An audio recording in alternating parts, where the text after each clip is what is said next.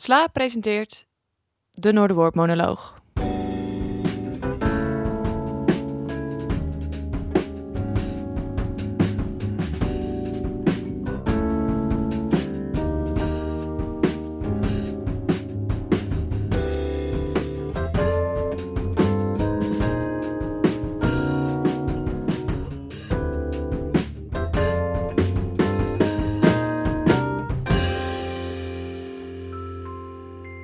Dag luisteraar. Je staat op het punt te luisteren naar de Noorderwoord-monoloog. Deze monoloog werd opgevoerd tijdens het programma Noorderwoord op 1 juni 2022 in het Zonnehuis. Iedere monoloog gaat over een Noorderling, bekend of onbekend. De tekst wordt geschreven door een theatermaker en opgevoerd door een acteur. Deze monoloog gaat over Eugène Sandel. De tekst is geschreven door Marjan van den Berg en wordt gebracht door acteur Mike Liebenon. Je luistert naar een live-opname.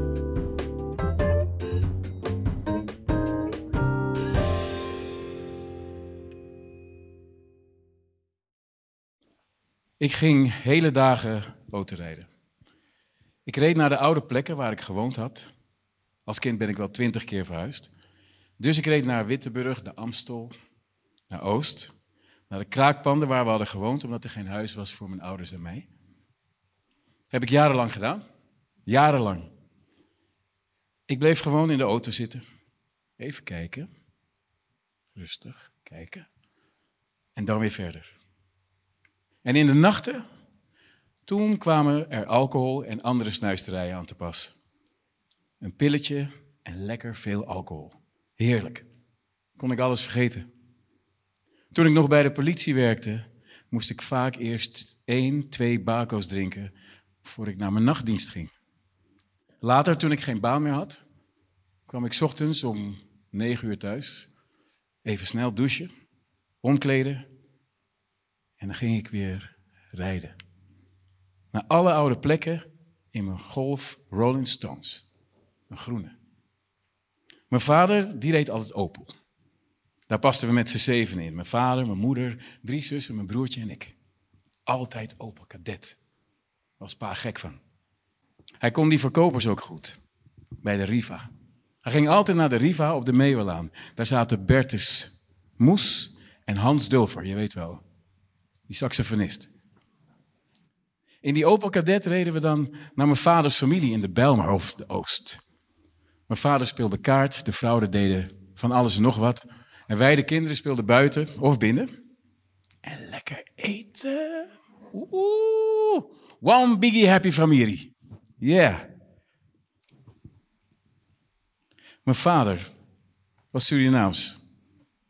Eugène. Ik ben inderdaad naar hem vernoemd. Ja, Eus. Maar mijn moeder was Fries.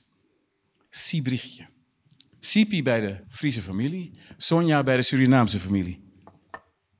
Ze was 49. Ze was 49 toen ze stierf. Ik was 28.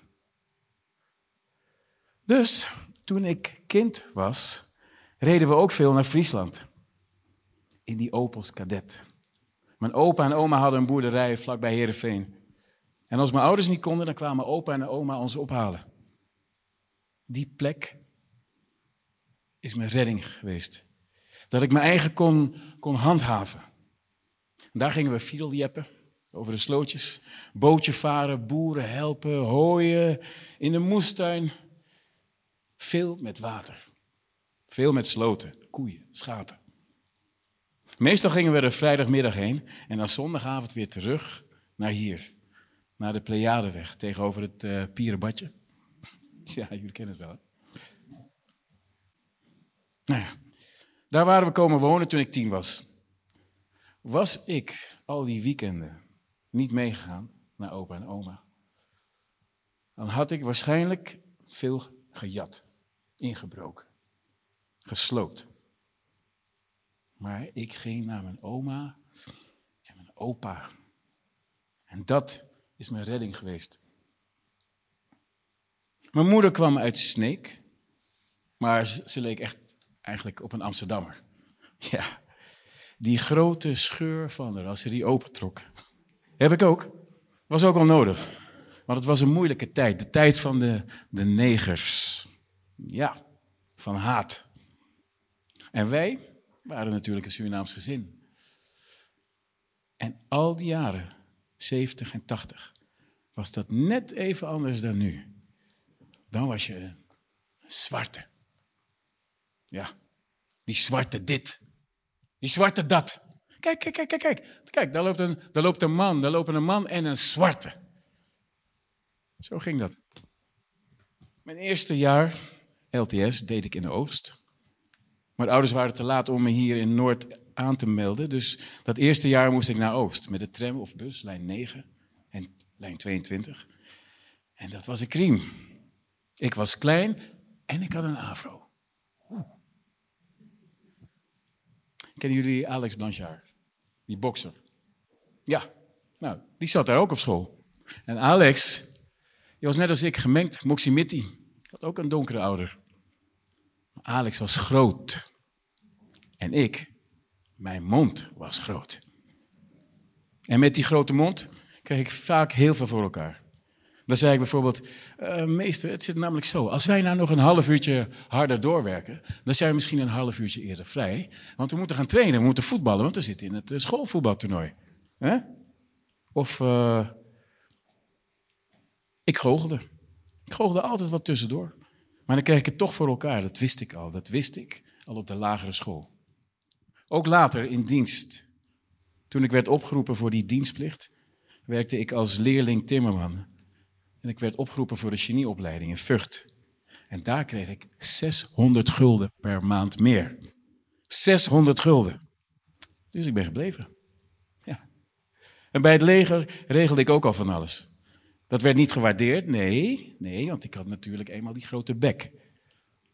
En als het mooi weer was, ging ik in het zonnetje op het tank liggen.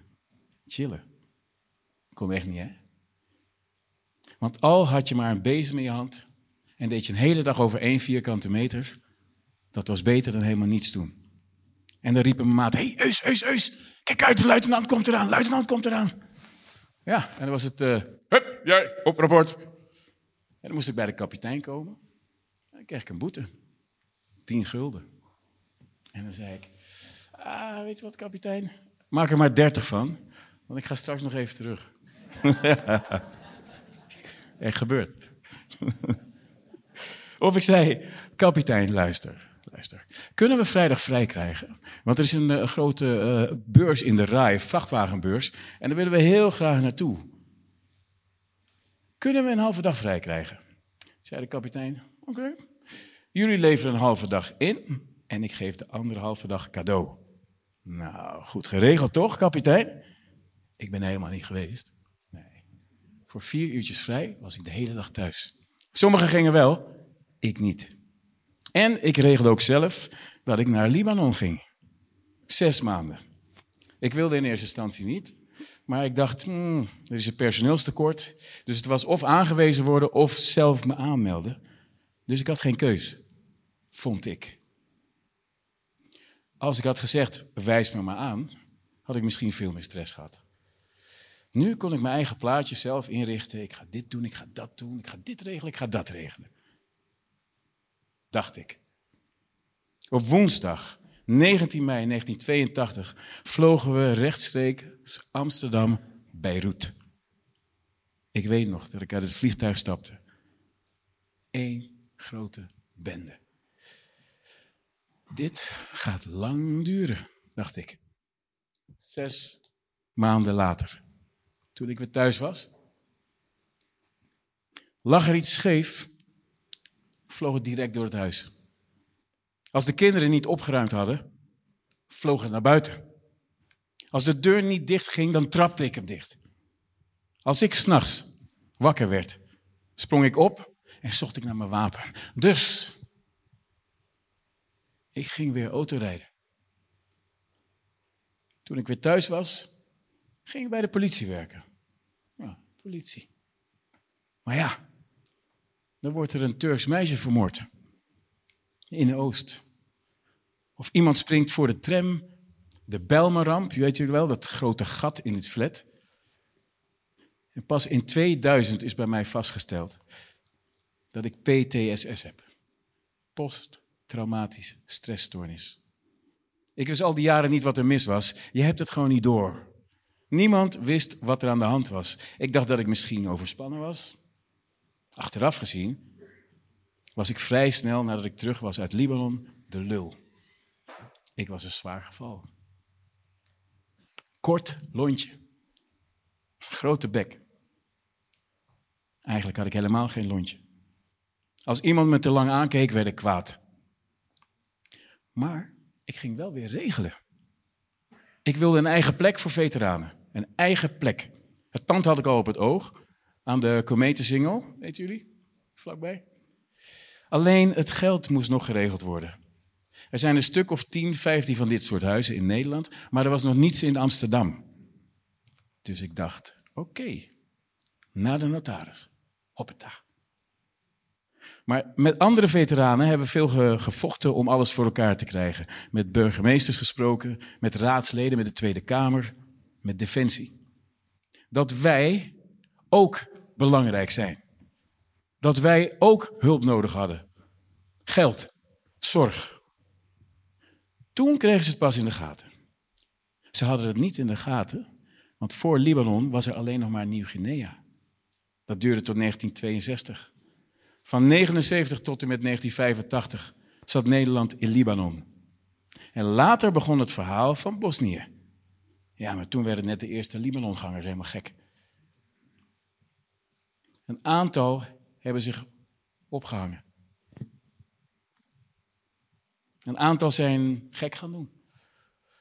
Een aantal belanden op het politiebureau. En sommigen hadden een kort lontje, en anderen hadden helemaal geen lontje. Die pannenkoek van een Cohen, die stuurde ik een briefje en hij stuurde die door naar het 4 en 5 mei-comité. Toen hij wegging naar de kamer, kwam Ascher. Die zei deftig, nou, ik zal zorgen dat het op het juiste bureau belandt. Ik zei, nee, nee, nee, nee, nee.